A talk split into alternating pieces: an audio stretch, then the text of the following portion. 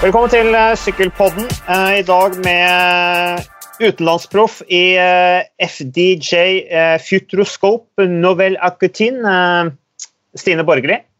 29 år gammel. Du har satt deg i bilen, Stine. Kan du forklare litt hvorfor du sitter i bilen og har, er med på Sykkelpodden? Ja, jeg sitter i bilen. Den er parkert forbi huset. Um, med tre unger nå som begynner å få en del sånn Ja, de har jo mye energi så mye Eller lite ro i sjela, så jeg tenker at eh, det må iallfall jeg ha når jeg skal på en podkast. Så da er jeg snar med å finne den beste plassen. Jeg kunne jo valgt campioen, selvfølgelig, men jeg syns bilen er litt mer sånn, det gir litt lys. Så jeg har litt kontroll på hvor alle er ut forbi. Så beste utvei. Beste utvei. Du har satt deg til med kaffekoppen din og greier. En kaffekopp det står Amsterdam på. Det er jo bare å drømme, ja. drømme tilbake til de eh, tider nå. Han kunne være ute og reise og sykle sykkelløp ute i den store verden, eh, Stine. Hva, hva gjør du nå i disse koronatider? Ja, Det er jo en utrolig spesiell situasjon, men jeg må jo si at jeg har nå egentlig kommet litt inni sånn som situasjonen nå er. Eh, vi er jo på det gode Sørlandet nå for øyeblikket, og her er det jo ganske mye bra sykkelveier og sykkelforhold, så, så det blir jo det. Det blir mye timer ute på sykkel når man ikke får, får sykla de løpene som man eh, så gjerne ville gjort. Eh, men det blir, det blir, mye god trening, og man har funnet seg en god rutine på det hjemme etter hvert. Det tok jo egentlig litt tid å bare akseptere at sånn var det, men nå er det liksom sånn man har stilt seg inn på, og det ser ut som det kan bli en stund til fram med, med, denne situasjonen her og lite sykkelritt. Så, så, man må jo egentlig bare ta fatt på det man har utenfor huset. og si, Så lenge man får, ikke har portforbud òg, så, så, er det jo ikke et stort problem, egentlig. Jeg ser ikke på det som et veldig stort problem. Eh, det å leve i hva skal jeg si, karantene er jo ikke egentlig så veldig utfordrende sånn sett, da. I hvert fall ikke for, for oss idrettsutøvere, vil jeg tro.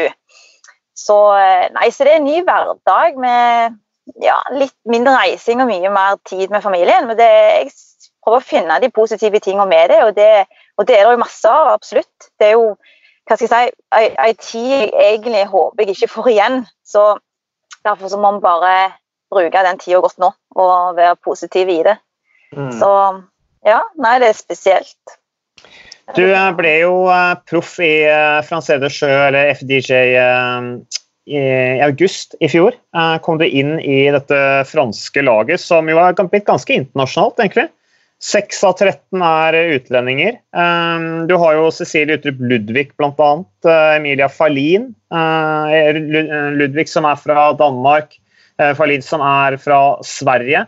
Eh, hvem er det du på en måte, Hvordan er det sosiale der? Er det, er det sånn at du og Utrup Lidvig og Farlin fant hverandre med en gang i og med at dere er skandinaver, eller? Ja, vi kalles jo den skandinavian Mafia. Det kaller de oss bare for. Så det er jo litt så morsomt, da. Eh, ja, vi fant hverandre egentlig veldig fort. I hvert fall meg, meg, og Emilia. For jeg kom jo inn eh, etter mine første ritt med med Fransk Sjø, det var jo faktisk eh, i Vårgårda. Vi hadde ett ritt i Frankrike til å begynne med, da, med et rent fransk lag, så jeg kom jo egentlig veldig greit inn i det òg. Eh, men i Vårgårda var jo Emilia til stede, men som skada da. Eh, men da kom jeg veldig greit inn på henne egentlig der. Jeg fikk snakka mye med henne utenom det sykkelrittet, og det syns jeg på en måte var, var greit, det òg. Men så var jeg vel nå i, på treningssamlingen jeg hadde rett før jul, så var jo stort sett alle til stede.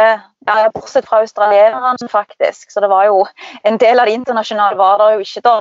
Men da fikk jo vi enda litt mer tone med skandinavere. Og, eh, eh, men Cecilie har jo òg fått veldig god kontakt med de andre franske, som egentlig er veldig bra. For hun kom jo inn, hun og Brody kom jo inn som to nye internasjonale innspill på, foran den sesongen her, da. Eh, men jeg, jeg, eh, nei, jeg, er veldig fornøyd med hvordan kommunikasjonen og kontakten har blitt med, med alle rutterne.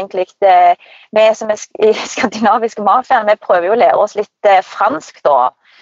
For det merker vi jo, det, det, går veldig mye på fransk med de franske.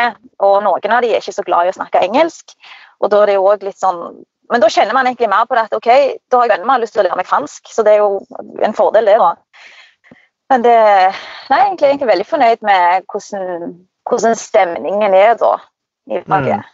Så det er bra. Du har, jo, eh, du har jo litt sånn utradisjonell bakgrunn. Eh, det er jo ikke så mange utenlandsproffer som har jobbet på oljeplattform, f.eks. Eh, du er jo også mor. Men har du snakket mye med de andre lagvennene dine om, om bakgrunnen din? Er de liksom nysgjerrig på hvor du kommer fra? Ja, jeg, det var jo òg en av de tingene som som han manageren i Frans de Sjø syntes var veldig hva skal jeg si, en veldig kul story, da, som, som bruker å kalle det for. Og, og, det er jo på en måte at han er mer innholdsrik, og det er jo på en måte kjekt for de å kunne å si, ta det òg videre. Da, at de kan på en måte se på, på muligheter som hvordan andre ryttere òg kommer seg opp og fram i, i idretten. da. Så de syns jo absolutt at det er veldig veldig interessant, og det har jeg jo for så vidt snakket litt med si, sykkeljentene òg, eller lagvenninnene mine om hvordan min bakgrunn er, og alle vet jo at jeg har et barn. men nå jobber jeg jo ikke så mye lenger da, så det, så det er jo for så vidt greit. Men jeg gjorde jo det en del år før jeg begynte å sykle profesjonelt. Og for så vidt sykla en del internasjonalt selv om jeg jobba litt, da. Og man prøver jo det så lenge det går. Så det, det, som, er alltid interessant å på en måte kunne fortelle, fortelle, den storyen der. For det er jo det som er med sykling og en del andre idretter òg, at eh, man kan jo komme fra forskjellige bakgrunner egentlig og, og, og greie å komme, komme godt opp, eh, opp, på den veien man vil, da. Så det Nei da, de, de syns jo det er artig, det. Men uh, litt her om den bakgrunnen der, eh, Stine. Altså, du, du satsa jo, du begynte å sykle som 18-åring og har jo masse NM-medaljer og gradvis blitt bedre. Du har jo egentlig hatt en fin utvikling, langsiktig utvikling. Uh, men så kombinerte du altså jobb på oljeplattform, var mor og satsa hardt på sykkel. Hvordan fikk du alle de tingene der, hvordan fikk du det til å gå opp? Ja, det er et godt spørsmål. Jeg, jeg tok vel egentlig ting litt step by step og i mitt eget tempo. Og så var Det vel sånn, det var vel aldri sagt at jeg skulle satse sykkel heller, men det var på en måte en sånn, en ting, en sånn bonusting jeg gjorde underveis. For jeg syns det var utrolig kjekt. Og jeg har, alltid, jeg har alltid lyst til å bli god i et eller annet, men jeg har aldri liksom helt visst hva. Eh, for jeg begynte jo, jeg spilte jo fotball fra jeg var syv år til jeg var 19. Jeg begynte vel egentlig å sykle da jeg var 19 år, for da kjøpte jeg min første terrengsyklisten jeg hadde fått skikkelig god lønning fra den oljeplattformen. For jeg var jo lærling der som 18-åring fra jeg var 18 til 20. Og da Man fikk jo veldig gode lønning, faktisk, så jeg sparte jo. Og så tenkte jeg hva, hva skal jeg bruke? For jeg har jo ikke Jeg, jeg sparte jo til leilighet og, og til lån og de, alle de tingene der. Eh, men så tenkte jeg hva skal jeg bruke pengene på? For jeg har jo ikke tenkt å kjøpe leilighet ennå, som 18-åring. Eh, så jeg kjøpte meg jo en terrengsykkel terrengsykkel på, på Bikeborders for ja, 25 000. Jeg fikk den for 20 Det var min eh, første store betaling, husker jeg. Jeg husker det veldig godt. Det var januar 2009. Eh, og pappa var med meg, for han tenkte at jeg skal, skal se litt hva du, hva du, skal kjøpe, liksom. Han var litt redd at jeg skulle kjøpe noe dyrt, da. Og det endte jo opp med det, da, for han prøvde jo å skulle ha meg til du kan begynne med den sykkelen til åtte eller ti, liksom. Så sier jeg ja, men jeg vet at den her kommer jeg til å bruke. Den kommer ikke til å stå i garasjen sånn som alle andre sine sykler gjør. Denne skal jeg bruke, liksom.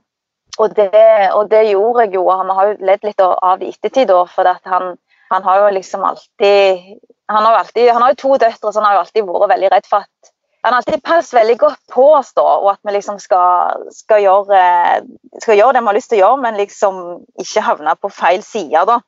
Så han tenker liksom han syns egentlig det var en god investering, da, for å si det sånn, at man, man, kunne brukt pengene på mye annet drit. Så i den dag i dag så, så ser vi bare tilbake på det beløpet jeg handla for der, og tenker at det har kommet noe godt ut av det. Ja, Så være det innafor for din far at du kjøpte sykkel? Det var helt greit? liksom? Ja. Nå I dag så har han akseptert det, men det, jeg tror det lå langt inne.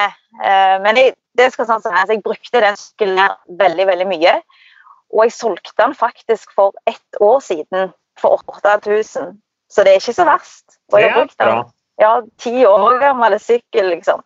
Så den har kommet veldig godt med. Men jeg måtte oppgradere litt, for den har jo 26 tommer, så jeg, nå har jeg 27,5, da, så må, jeg må fylle med litt i tida. Jeg har jo ikke fått med cyclecross engang, så jeg henger jo fortsatt litt etter, vil jeg påstå. Men ja, nei, så jeg eh, eh så Det som var greia mi, det var jo det at jeg ville jo satse terreng jeg så jo veldig opp til Lene Byberg på den tida der. Og det var jo egentlig hun som faktisk fikk meg til å sykle. For jeg var en del på spinningtimer med mamma, og der var Lene Byberg. Så henne fant jeg fort ut at det, det var, det var ei sprek kvinne, liksom. Og, så jeg meldte meg jo inn i Bryne sykkelklubb. Jeg, nettopp fordi at jeg ville komme i kontakt med Lene Byberg og begynne med terreng og prøve å bli, bli sånn som hun, holdt jeg på å si. Bli en terrengsyklist. Det var det jeg hadde lyst til. Ja, Lene var jo um, Lene var landslagsutøver og har mye bra internasjonale resultater uten at jeg husker alle i detalj. Uh, hun var jo også altså Hun var jo lenge med i game, så hun var din inspirasjonskilde, altså? Faktisk så var hun egentlig det helt i starten der. Og, for hun var jo på den tida der, da snakker vi 2009 så var jo Lene på topp òg. Hun har jo en, eh, en, et VM-sølv i, i rundbane, mener jeg, eh, som var utrolig stort. Og det er jo utrolig bra. Så, og hun har jo mye andre internasjonale toppresultater òg, som du sier.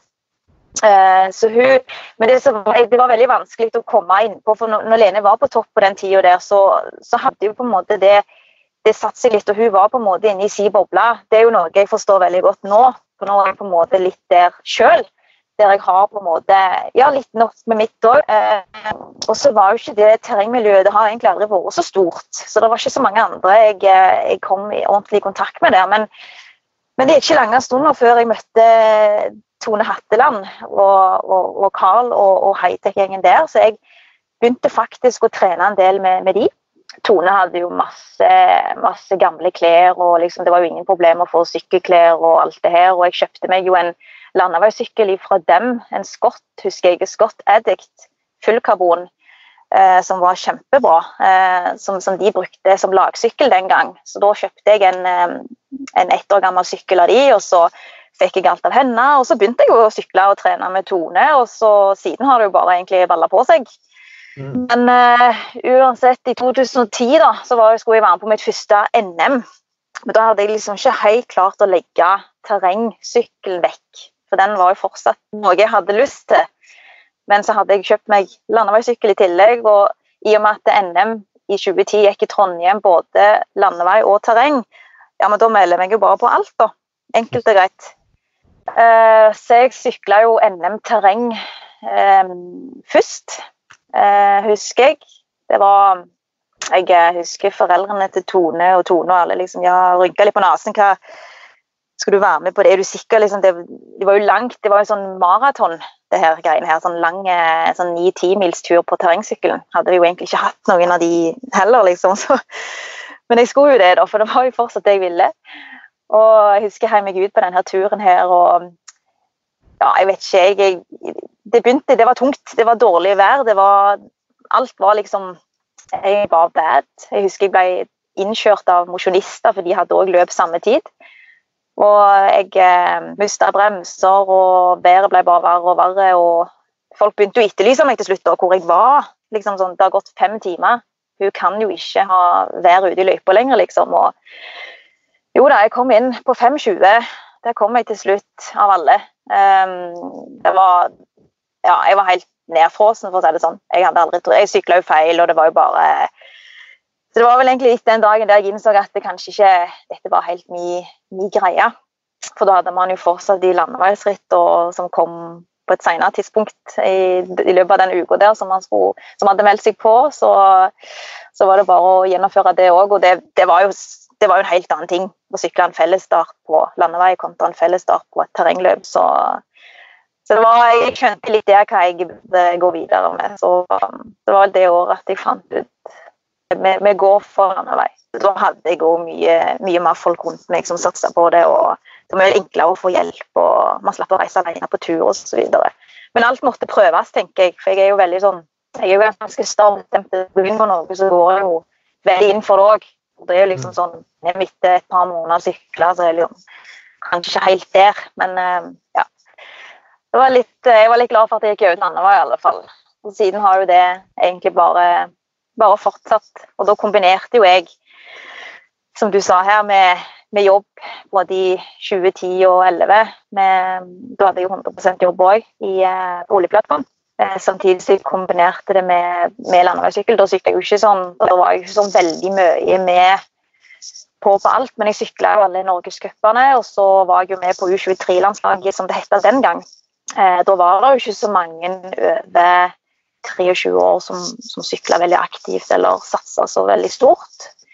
Eh, noen som i hvert fall har forandret seg til den dag i dag, og det har jo gjort det gradvis med året òg. Eh, da reiste jeg jo da ut to uker på plattformen, og så hadde jeg fire uker hjemme. Så da visste jeg at vi ville få veldig mye bra trening, og jeg ville kunne være med på en forskjellige sykkelritt. Så ville man, jo, ville man jo selvfølgelig miste en del, da, men det var jo på en måte en, en del av greia. Dette gikk jo fint an å, å kombinere. Eh, på plattformen. Man, man hadde jo tolv timer disponibelt der man ikke vil på jobb. For der er det veldig enkelt Der jobber med 12-12. Enten dagskift eller nattskift. Det var jo som regel annenhver uke. Um, så alltid litt tøff i den perioden man skulle snu, snu døgnet da, om til natt eller om til dag. Men da var det liksom om å gjøre å bare prøve å disponere de tolv timene best mulig. Uh, få i seg eh, mat etter arbeidstid, legge seg litt på senga og egentlig bare gå på trening.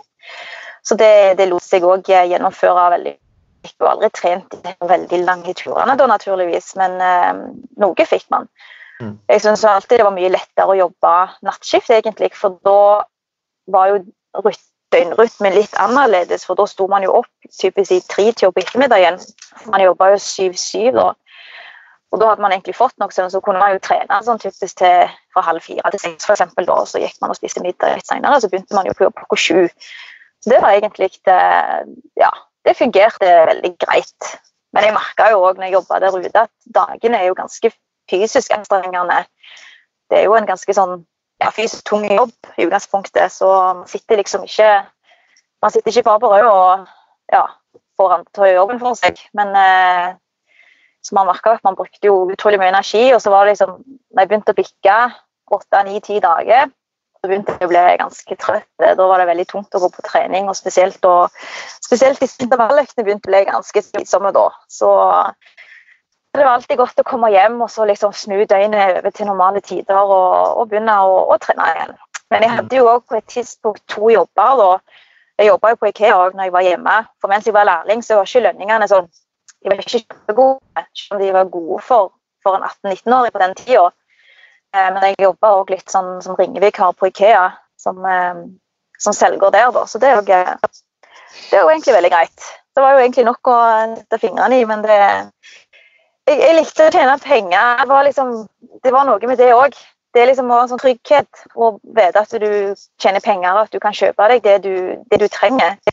Men det var jo først og fremst det at jeg hadde lyst til å spare til leilighet og de tingene der, og komme meg ut hjemmefra, som gjorde at jeg på en måte valgte å jobbe da. Og så er det jo liksom det å satse en idrett òg. Det, det, tar jo litt tid før du egentlig finner ut om du vil satse i idrett. Spesielt når du begynner i den alderen der, tenker jeg. Det er jo litt sånn, Man skal jo på en måte finne ut er dette noe jeg klarer å bli god på. Og så er det jo det å satse på en utholdenhet i idrett òg. Det, det, vet man jo tar tid. De sier jo liksom ok, du må i hvert fall 8000-10 000 timer da, før du på en måte er der, før du har fått inn den treningen du skal ha. og så før du vet er du der nå, eller, Stine? Er du på 10 000 timer nå? Eh, Siden du starta? Eh, ja, det er et godt spørsmål. Det burde jeg kanskje hatt svaret på, faktisk. Men Nei, ikke nødvendigvis. I og med at jeg har Nei jeg, ikke, nei, jeg tror nok ikke det. For jeg har jo, så jeg har sykla nå i ti år, da, og så har jeg jo hatt litt opphold i 12, 13 og 14, da når jeg fikk barn og dette her. Så, man ikke, så trente man jo ikke sånn himla mye. Det var jo mer litt sånn korte løpeturer, litt joggeturer og ja, litt sykling, da. Men nei, jeg tipper ikke at jeg er det, altså. Jeg tipper at jeg har eh, ja, kanskje 7000. Men mm. eh, jeg har jo Så du er fremdeles i utvikling?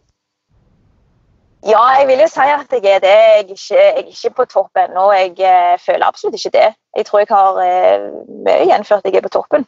Mm. Men jeg merker at eh, den den rutinen og erfaringen man får etter hver sesong man er med på, den, det er egentlig den som er med å lufte minst nå. Eh, treningen gjør jeg, og den klarer jeg gjerne ikke bedre så mye som jeg faktisk gjør på det med både rutine og erfaring. Da. Det har jeg vært litt veldig obs på, spesielt fra 18 til 19, men òg liksom inngangen til året i år. Da. At jeg var mye tryggere enn jeg skulle starte sesongen i år, eh, enn det jeg var i fjor. Jeg visste mer hva jeg kom til, og jeg visste litt mer hva jeg var god for. Og ja, var litt tryggere på det, det jeg hadde i vente, på en måte. så det merker jeg er med å løfte en veldig da, etter hvert år. Så får en litt, um, litt gratis der òg.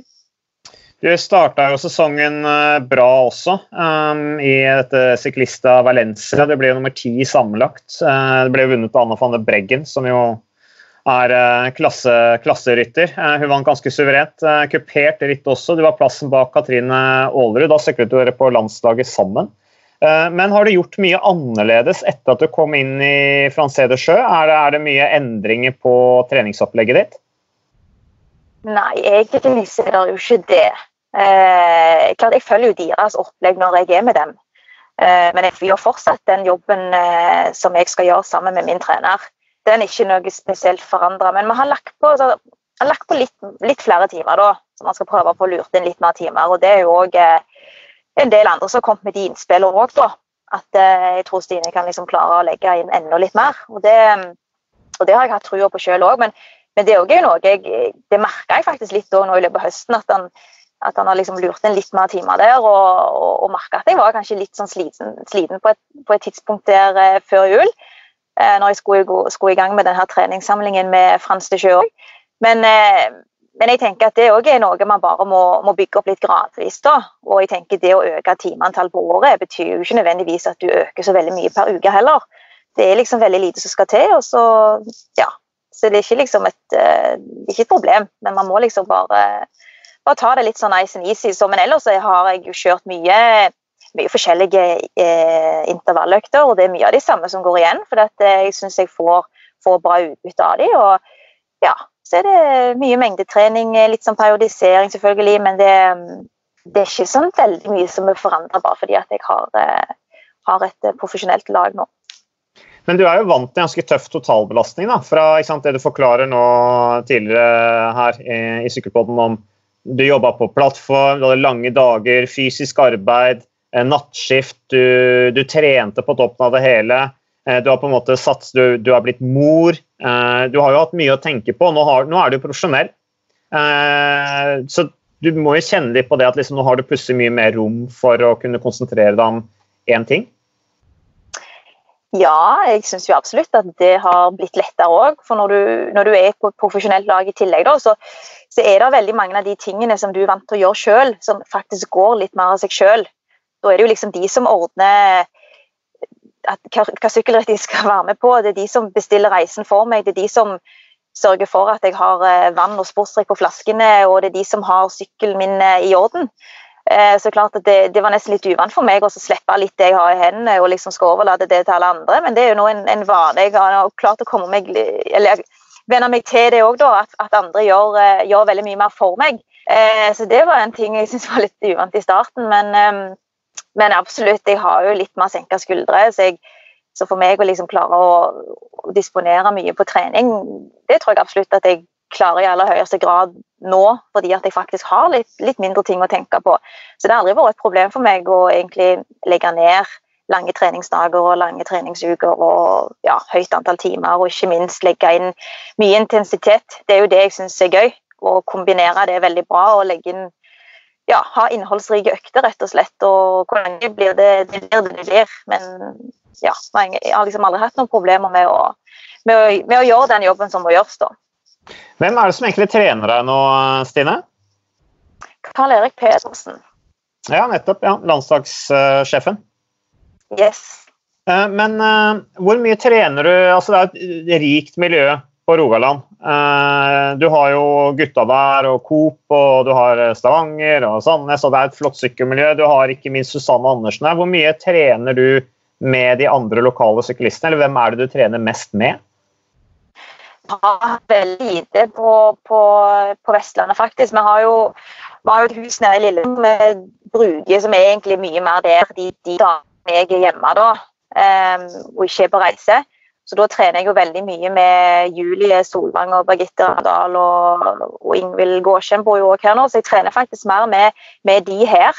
Eh, jeg har trent litt med Susanne og litt de aktive guttene noen turer nå i vinter, men det har blitt veldig lite. Så jeg gjerne har brukt de enda mer enn hjemme. Men det er alltid det som er utfordringen. når jo mer aktiv de er, jo vanskeligere er det egentlig å, å avtale de tidene. For man er jo på reis på forskjellige tidspunkt hele tida, så, Så det er vanskelig, men klar, Hadde jeg vært i Sandnes nå, så hadde det vært enda mer gunstig og trent, i hvert fall hatt en fast treningskamerat der. og Da hadde jo Susanne selvfølgelig vært en god eh, treningsmakker. Mm.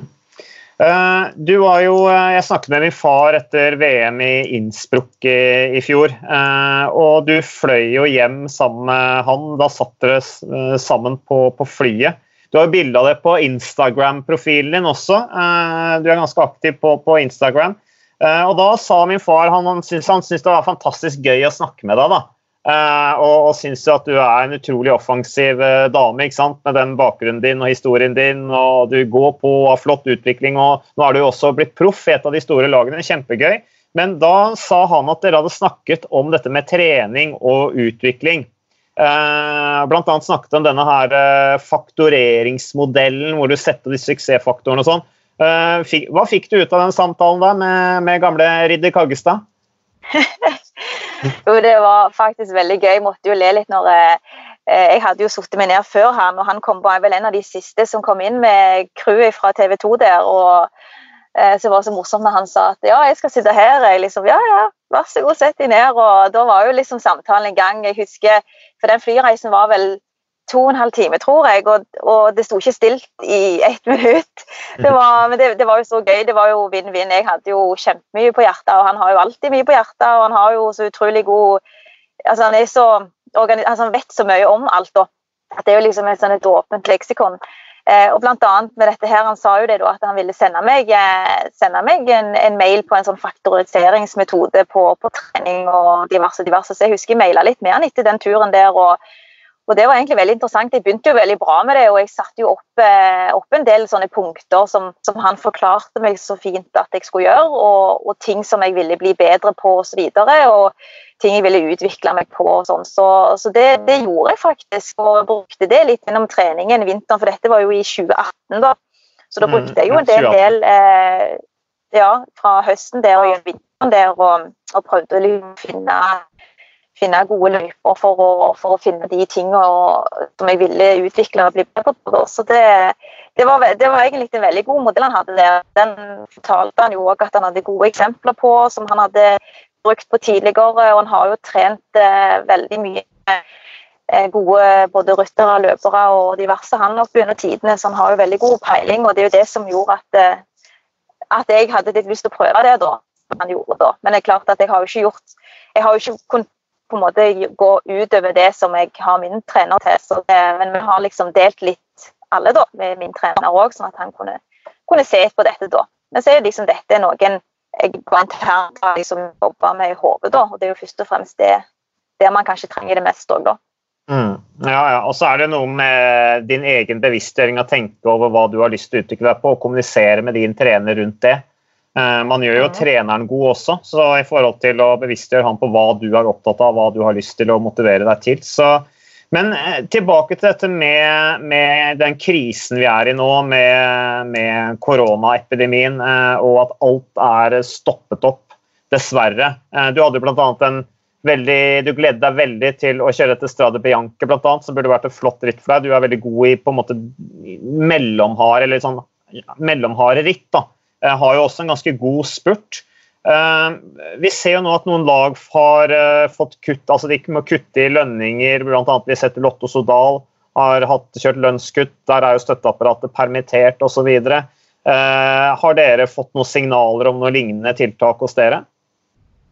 Nei, det har vi faktisk ikke gjort. Og vi har jo en ganske sånn åpen dialog eh, gjennom denne tida vi går gjennom nå, eh, på alt som foregår. Og først og fremst skal jo det være en sånn positiv arena vi skal bruke nå. og så vise litt hva vi gjør osv. Men vi har ennå ikke fått noen signaler på at det vil være noe kutt enten her eller der. Så, så det tenker jeg er liksom positivt for hver uke som går, at vi fortsatt eh, holder liv i alt vi har. Da, at alle leddene er der de skal være, og at uh, man kan starte opp med den samme stabben da. Eh, så tenker jeg liksom uten at jeg har egentlig spurt dem så mye om det. Eh, jeg har ikke spurt dem om, det, om noen ting egentlig angående det, da. Eh, men jeg tenker at Frans de Sjø er jo et, et stort lotteriselskap og omsetter jo en god del. av oss. jeg håper jo for all del at dette er noe som skal fortsette å, å surre og gå, tenker jeg. Og kanskje enda mer i disse tidene her. Så, så sånn ut ifra egen tenking så, så satser jeg på at det skal være liv i det. Og sånn som er jo et, Selv om at vi er et stort team, så har vi liksom ikke vi har ikke sånn all verdens med folk heller. Vi har på en måte de faste som alltid er der. Eh, så vi har liksom, vi har to, to sportsdirektører og en manager og, og, to mekanikere og en som er fulltidsansatt og 13 ryttere og tre, tre eller fire massører nå. Så, så, vi har liksom ikke vi er ikke 50 stykk. Vi har ikke sånn kjempemange, så kanskje det er en grunn til at man slipper å, å kutte ned på det da. Så forhåpentligvis så vil det, vil det være sånn. Ja, I Frankrike så er det vel litt sånn regler på dette her med bruk av eh, massører og mekanikere i forhold til dette med ansettelse også, så vidt jeg husker. Men veldig mange av lagene har jo de fleste mekanikerne og massørene som på frilanskontrakter, så da er det jo for så vidt en eh, billig løsning for, for, for de. Det er jo verst for, for disse stakkars frilanserne som da plutselig ikke har noe oppdrag. Men eh, Eh, har du noe kontakt med de andre jentene? For eksempel, vi har snakka om eh, Falin og Utrup Ludvig. Har du noe kontakt med dem? Ja, jeg snakka litt med Cecilie her eh, eh rett før Danmark skulle stenge grensene. Da. Og da lurte jeg jo veldig på om hun hadde tenkt å reise hjem. Eh, for det, det, det, skjedde jo så utrolig mye på få dager der. og og da var jo liksom hun, både hun og Brody og eh, ICTML eh, var jo i Girona og trente og hadde en liten sånn samling de innimellom. Og, og eh, så jo bare fram til, til, neste ritt, ikke sant. Og så fikk, kom disse her kontrabeskjedene til kontrabeskjedene, og plutselig så ble jo australienerne sendt hjem. Jeg på Cecilie var de siste som egentlig reiste fra Spania. For det, når, klart, når du har en base i Spania, så kan du i utgangspunktet være der. Men så så vel de ante vel de at det gjerne ville komme et portforbud, eller de så jo de her høye tallene som utvikla seg fort òg, så hun reiste faktisk hjem til Danmark eh, til slutt. Jeg har ikke snakka med henne etter hun kom der til, da. Men, eh, eh, men man, har, man, har, litt kontakt sånn, på felleschatter og sånne ting, da, så det er jo godt å se at eh, de fleste har, har, noe de kan bedrive tida med da. Men selvfølgelig litt verst er det jo for de, for de franske nå som har portforbud, som ikke får gå ut. da. Så De sitter jo på ruller og diverse og Swift og det som er. Og bruker det de, de har, da. Så vi som er fra Skandinavia nå, lurer på Australia òg, lurer på om de òg kan gå ut. Jeg har sett at de er litt ute. Ikke så mye å sykle, men en del andre ting. Så, så de får nå i hvert fall eh, bevege seg litt, da. Men, ja, sånn eh, sett har jo du og Cecilie kan jo også sykle ute. Vi hadde jo podkast med Anita Evan Stenberg eh, forrige uke, og hun sykler også nå ute. Hun får ikke brukt bane og sånne ting. Men sånn sett så har du konkurransefortrinn nå i, i, de landene hvor man faktisk har lov til å være utendørs. Uh, så er det en fordel. Uh, men hvordan trener du akkurat uh, nå? Du var vel litt inne på det, men vi har snakka litt med andre om det. Stein Ørn, blant annet. Hva gjør man nå i denne perioden hvor man ikke har noe å trene til? For du vet jo egentlig ikke når du skal starte opp igjen. hvordan gjør du det? Ja, eh, hva skal jeg si. Eh, jeg har egentlig spolt tida litt tilbake. Så nå tenker jeg at jeg er litt i november-desember. Jeg inn, har lagt inn mye mer timer i treningsopplegget. Mye rolige langturer, men òg med god kvalitet. Så har jeg lagt inn litt flere innholdsrike økter med en del diverse intervaller. Så gjør jeg litt andre intervallmetoder og altså, improviserer litt sjøl. Eh, gjør litt andre ting. Nå var jeg bl.a. med Julie Solvang jeg har jo trent en del med henne her. Jeg har liksom en, en fast treningspartner. Eh, jeg gjør ikke noe mer utover det. Eh, og så, har vi, så jeg var med henne da på en sånn økt som hun hadde lagd til sjøl. Som hun kaller det for Flandern-økta. Og da, da, var vi ute og kjørte masse drag sammen. Kjørte masse harde terskeldrag, mye over terskel. Det er liksom litt for å bare holde det i gang òg, at man klarer å gjøre at man klarer å jobbe litt opp i, opp i høy puls, eh, men òg en del lange drag som jeg kanskje ikke hadde gjort akkurat nå hvis jeg var i sesong. Eh, Kjører dere på klokka eller på terrenget, da? Er det sånn at dere bare drar ut og improviserer i terrenget, eller kjører dere på en måte spesifikke intervaller? Nei, det blir spesifikt. Jeg, jeg, er veldig sånn at jeg liker å, ha, jeg liker å vite litt hva jeg skal ut, men jeg skal trene. Nå trenger du ikke nødvendigvis alltid å være sånn, eh, og i hvert fall ikke akkurat nå. Eh, men, men, sånn er jeg uansett at jeg hadde skrevet ned alle intervallene på en teip på styret for hun hadde jo, Julie hadde jo satt opp ti bakker. Altså Vi skulle gjøre alt i samme bakke, da, men vi skulle gjøre det på ti forskjellige måter med ti forskjellige tidsperspektiv og, eller eh, tider i intervalltid. Eh, sånn at det var så mye forskjellig. For dette var ut fra Flandern, da, bakkene der. Sånn ca. tida på bakkene. Så skulle man jo velge ulik intensitet på det da. Så da var det jo selvfølgelig en plan bak det òg, da. Og så skulle man jo ha noen ettminuttere all out og 30 sekunder all out. Og, ja, så det var jo en plan bak alt, da. I hvert fall den økta der. Men jeg bruker jo òg anledningen til å, til å, gjøre litt andre ting. Kjøre litt lengre drag i bakker som jeg kanskje ikke hadde gjort, eh, gjort så mye av. Gjerne en del rulleøkter, prøve å gjøre det ute.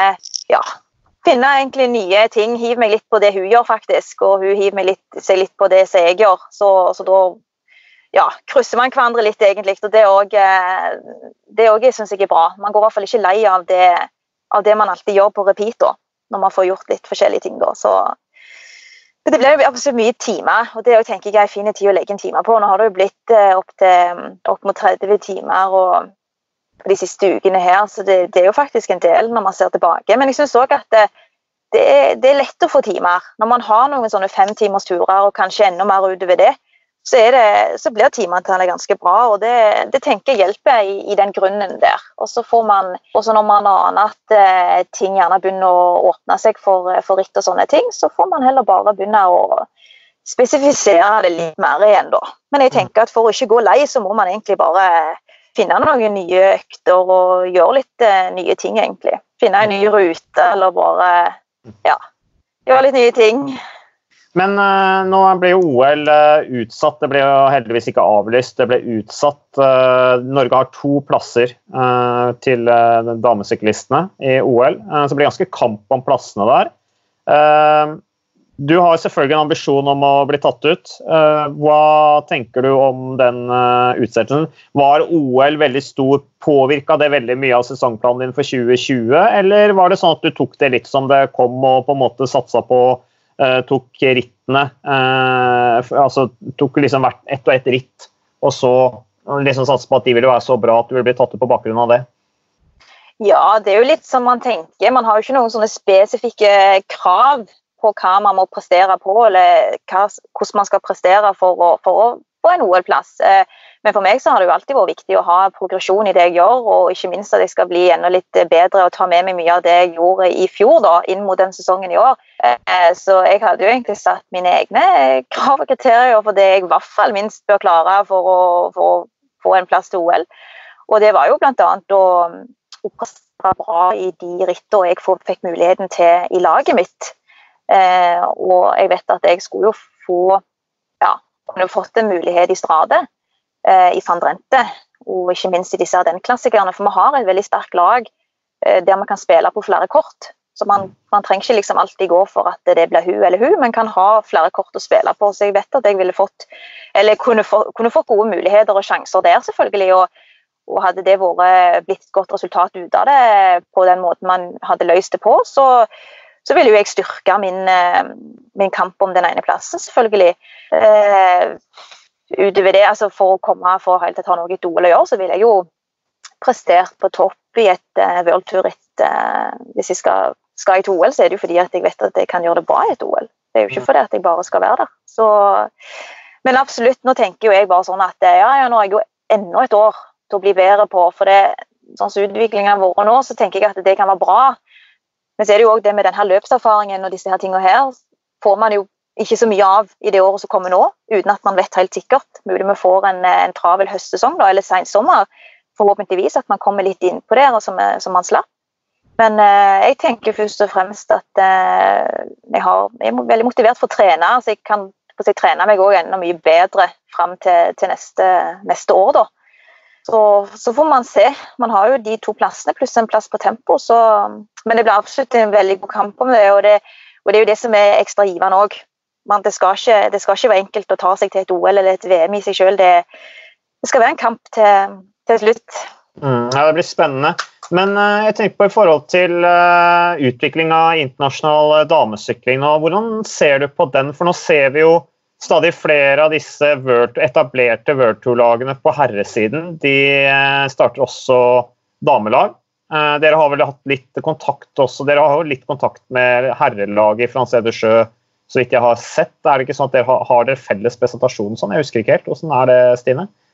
Nei, vi er egentlig uh, ikke avhengige av hverandre på noen måte. De har jo òg en annen hovedsponsor som er Gropama. FD7. Mm. Så jeg vet ikke hvor mye si, Groupama er vel også egentlig De har jo navnet sitt først òg, sånn at de er vel kanskje enda mer med der. Så vi har òg felles Nei, vi har ikke felles eh, presentasjon.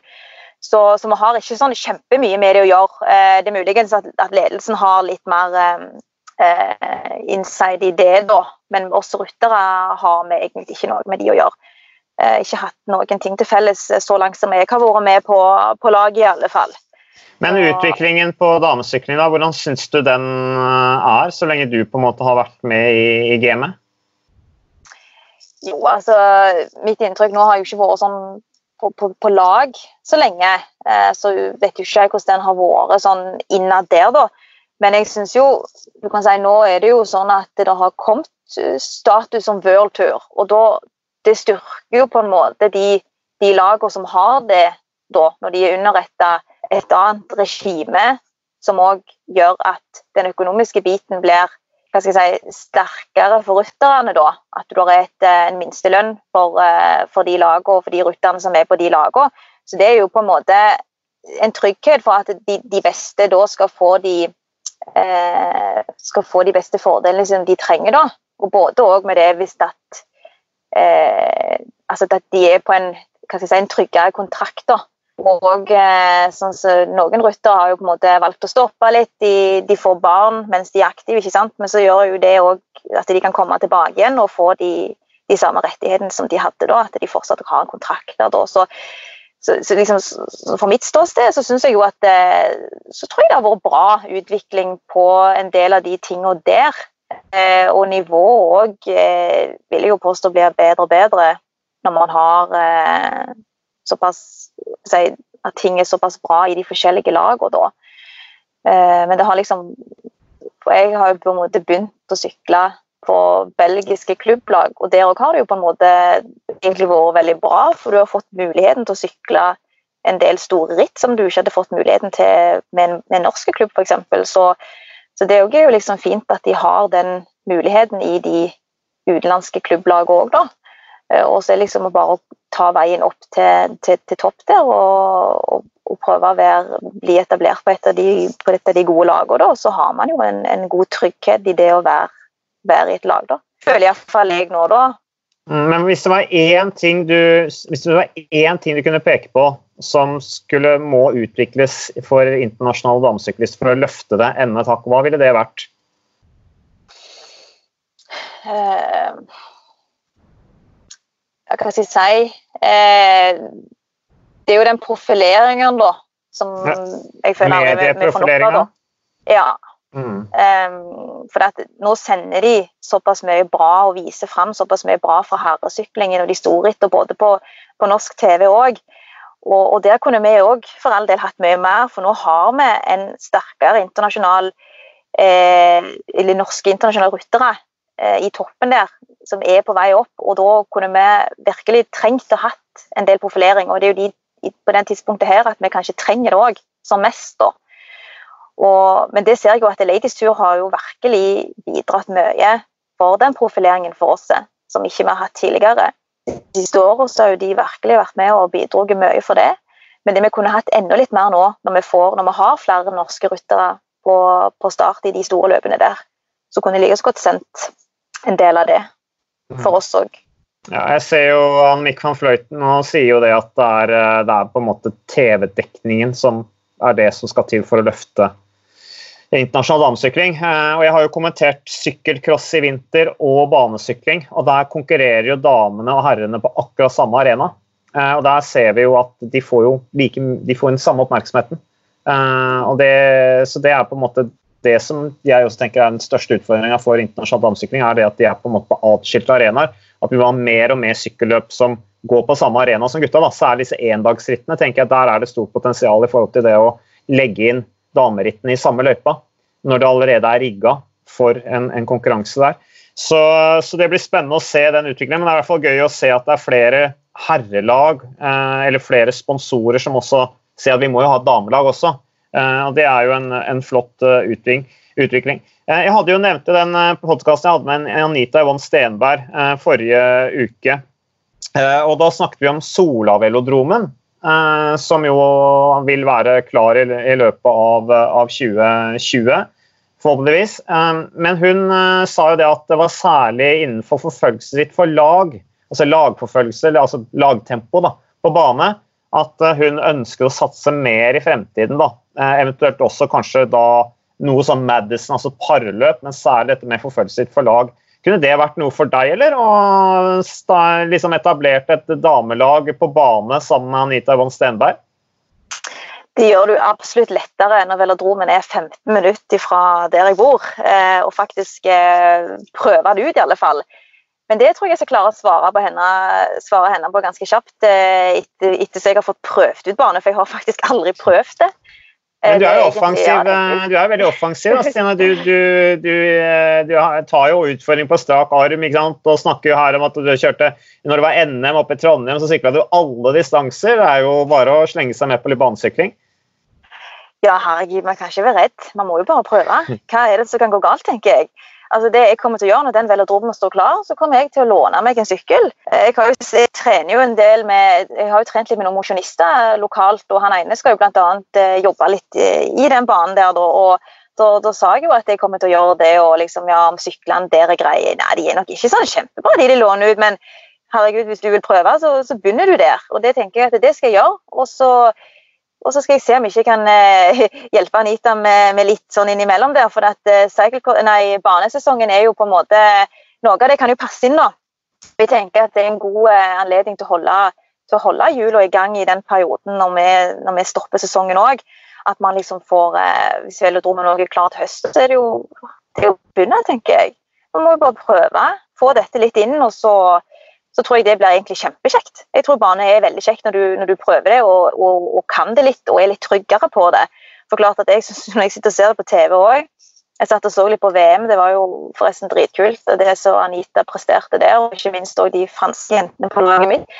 Eh, og klart at det ser, jo, det ser, jo, litt scary ut med disse her bratte veggene og disse svingene. og liksom Bare legge seg ut. og hva, hvor, hvor, hvor lenge går dette før du går på trynet. Og disse her skrubbsårene de får, ser jo ikke heller gode ut. Men jeg tenker at eh, får jeg noen runder der, så, så, tror jeg dette sitter veldig godt, rett og slett. Så det er absolutt noe jeg vil, eh, vil prøve når den er klar. Og um, gjerne sammen med Anita, som kan dette. Ja, nei, Det blir spennende å se. Bare en siste ting nå før vi gir oss, eh, Stine. Nå er det, jo nå er jo rittpause, som vi har snakka om. Eh, du har, eh, du jo eh, Du har jo altså Du har to bonusbarn og ett barn selv. Mannen din eller samboeren din, jeg vet ikke om du er, er, er du gift, forresten? Jeg er ugift ja, med samboer. Ja, men samboeren din, da. Er vel egentlig, det gjør vel situasjonen litt lettere for han når dere har tre barn dere skal se til. og hvordan får dere på en måte hverdagen til å gå opp hvis det hadde vært full sesong og du hadde vært i toppslag og satsa mot OL med høydetreninger og, og deltakelse i internasjonal ritt osv.? Hvordan, hvordan får dere det til å gå opp? Sånn utenom eh, koronatidene så, så, går det faktisk ganske bra, det òg. Eh, eh, barn er ikke her like ofte når, eh, når, det ikke er ferie og sånne ting. Så vi har de stort sett mest i helgene og, og feriedager og sånt. Men det er klart, det er jo egentlig sommerferien som er verst for oss. For det, da er jo han nå må jo han ha litt ferie, og, og skoleferien er jo altfor lang. Den er en måned for lang. Og det er kjempemye fri på ungene. Og da, eh, da, kan det bli litt tøft faktisk når jeg er ute og reiser og han eh, håper seg må styre dette, dette her sjøl. Men han klarer det faktisk veldig bra. Og det får meg òg til å si, relaxe litt. Da. For jeg ser at han, han, kan dette her veldig godt og er, er enda flinkere enn det jeg ville vært alene med tre unger. sannsynligvis. Så det skal han ha. Eh, det er klart, Nå, nå dagene sånn som de er nå, så, så, må jeg jo føye meg litt, litt, mer. selvfølgelig. Da er det jeg som tar meg av undervisningen. For han har jo jobbmøter på, på Skype. han hele formiddagen. og da, da, er det jeg som hjelper til med skole, og så går jeg ut og trener når de er ferdige med det, de gjøremålene de har. For det er klart at det er ingenting som er viktigere enn at de forstår det de skal gjøre når de går i første, femte og syvende. Så må man jo på en måte bidra for at eh, deres dag eh, går, går bra. Og så går jeg ut og trener etterpå, og så bytter vi litt på hvem som lager middagen. og ja, så går nå egentlig dagene veldig greit. Går litt sånn, I går var det veldig sånn surrete, for da har vi stilt klokka en time òg, og det ble jo totalt feil. En sånn time, så det ble jo helt eh, rot. Jeg skjønner ikke det går an. Nei, Hva foretrekker du? Vintertid, eh, vintertid eller sommertid? Hva liker du best? Ja, det er nok lettere egentlig lettere med vintertid når jeg er mest hjemme sjøl. Mm. For da er jo guttene på skolen, og jeg trener og gjør at jeg skal der. Og jeg har liksom jeg, har ikke, jeg får ikke dårlig samvittighet på at jeg liksom ikke stiller opp nok for. Så det kan jeg få litt utover sesongen og sånne ting, men eh, jeg er rask med å få den eh, planen, sesongplanen ut og gå og henge den opp på kjøleskapet med store bokstaver, sånn at det skal liksom tas inn litt og litt. og at eh, jo, jeg skal faktisk være så mye vekke. For egentlig så var året i år faktisk ganske travelt. selv om det har snudd litt nå, så var det jo veldig mye jeg skulle få lov å kjøre for Frans de Sjø. Så, eh, så, det kunne blitt en mye travlere sesong enn det det ser ut til å bli akkurat nå, i hvert fall på våren. da, så så nå, nå, er liksom rutinen veldig grei. Nå, nå, deler vi veldig på oppgavene, og jeg eh, har ingen dårlig samvittighet for noen ting. Så det, det er litt fint, det òg. Så. Så du henger opp sesongplanen din altså på kjøleskapet for at, uh, for at familien skal være klar over hva du gjør? Ja, altså jeg, jeg, går jo i butikkene når de nye kalenderne kommer. Så går jeg og tar, tar mange, så skriver jeg på sånn ca. ti kalendere. Og så deler jeg ut til alle som er potensielle barnesittere. Mamma og pappa, eh, onkel og søskenbarn og søster og diverse. Alle får en sånn plan. Så hvis jeg kommer med ungen på døra, så skjønner de hvorfor. Nei, men Det er litt sånn for å bare vite at uh, hvor er Stine i verden nå? For det er jo ofte mange som lurer på det. Så nå uh, da syns jeg det er fint at de kan gå og se liksom, ja, nå var hun i Spania, eller nå er hun der eller der. og så, ja, Da ringer jeg ikke i dag. Da venter vi det. Og, nei, så det er, litt sånn, det er litt min måte å kommunisere på, uh, på hva jeg skal. Det er kult å høre om, eh, Stine. og Det var kjempeartig å snakke med deg også, der du sitter i bilen din eh, og, og har drukket kaffe for å få fred og ro til å, spille inn podkast. Jeg er kjempetakknemlig for, for, at du tok deg tid til. Oppi hjemmeskole og satsing og trening og det hele tatt. Kjempebra.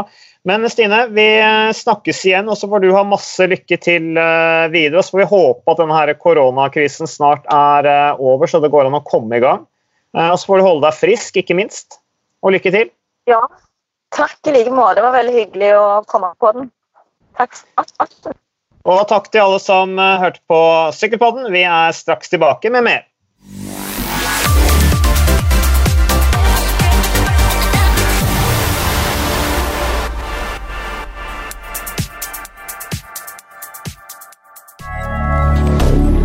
moderne media.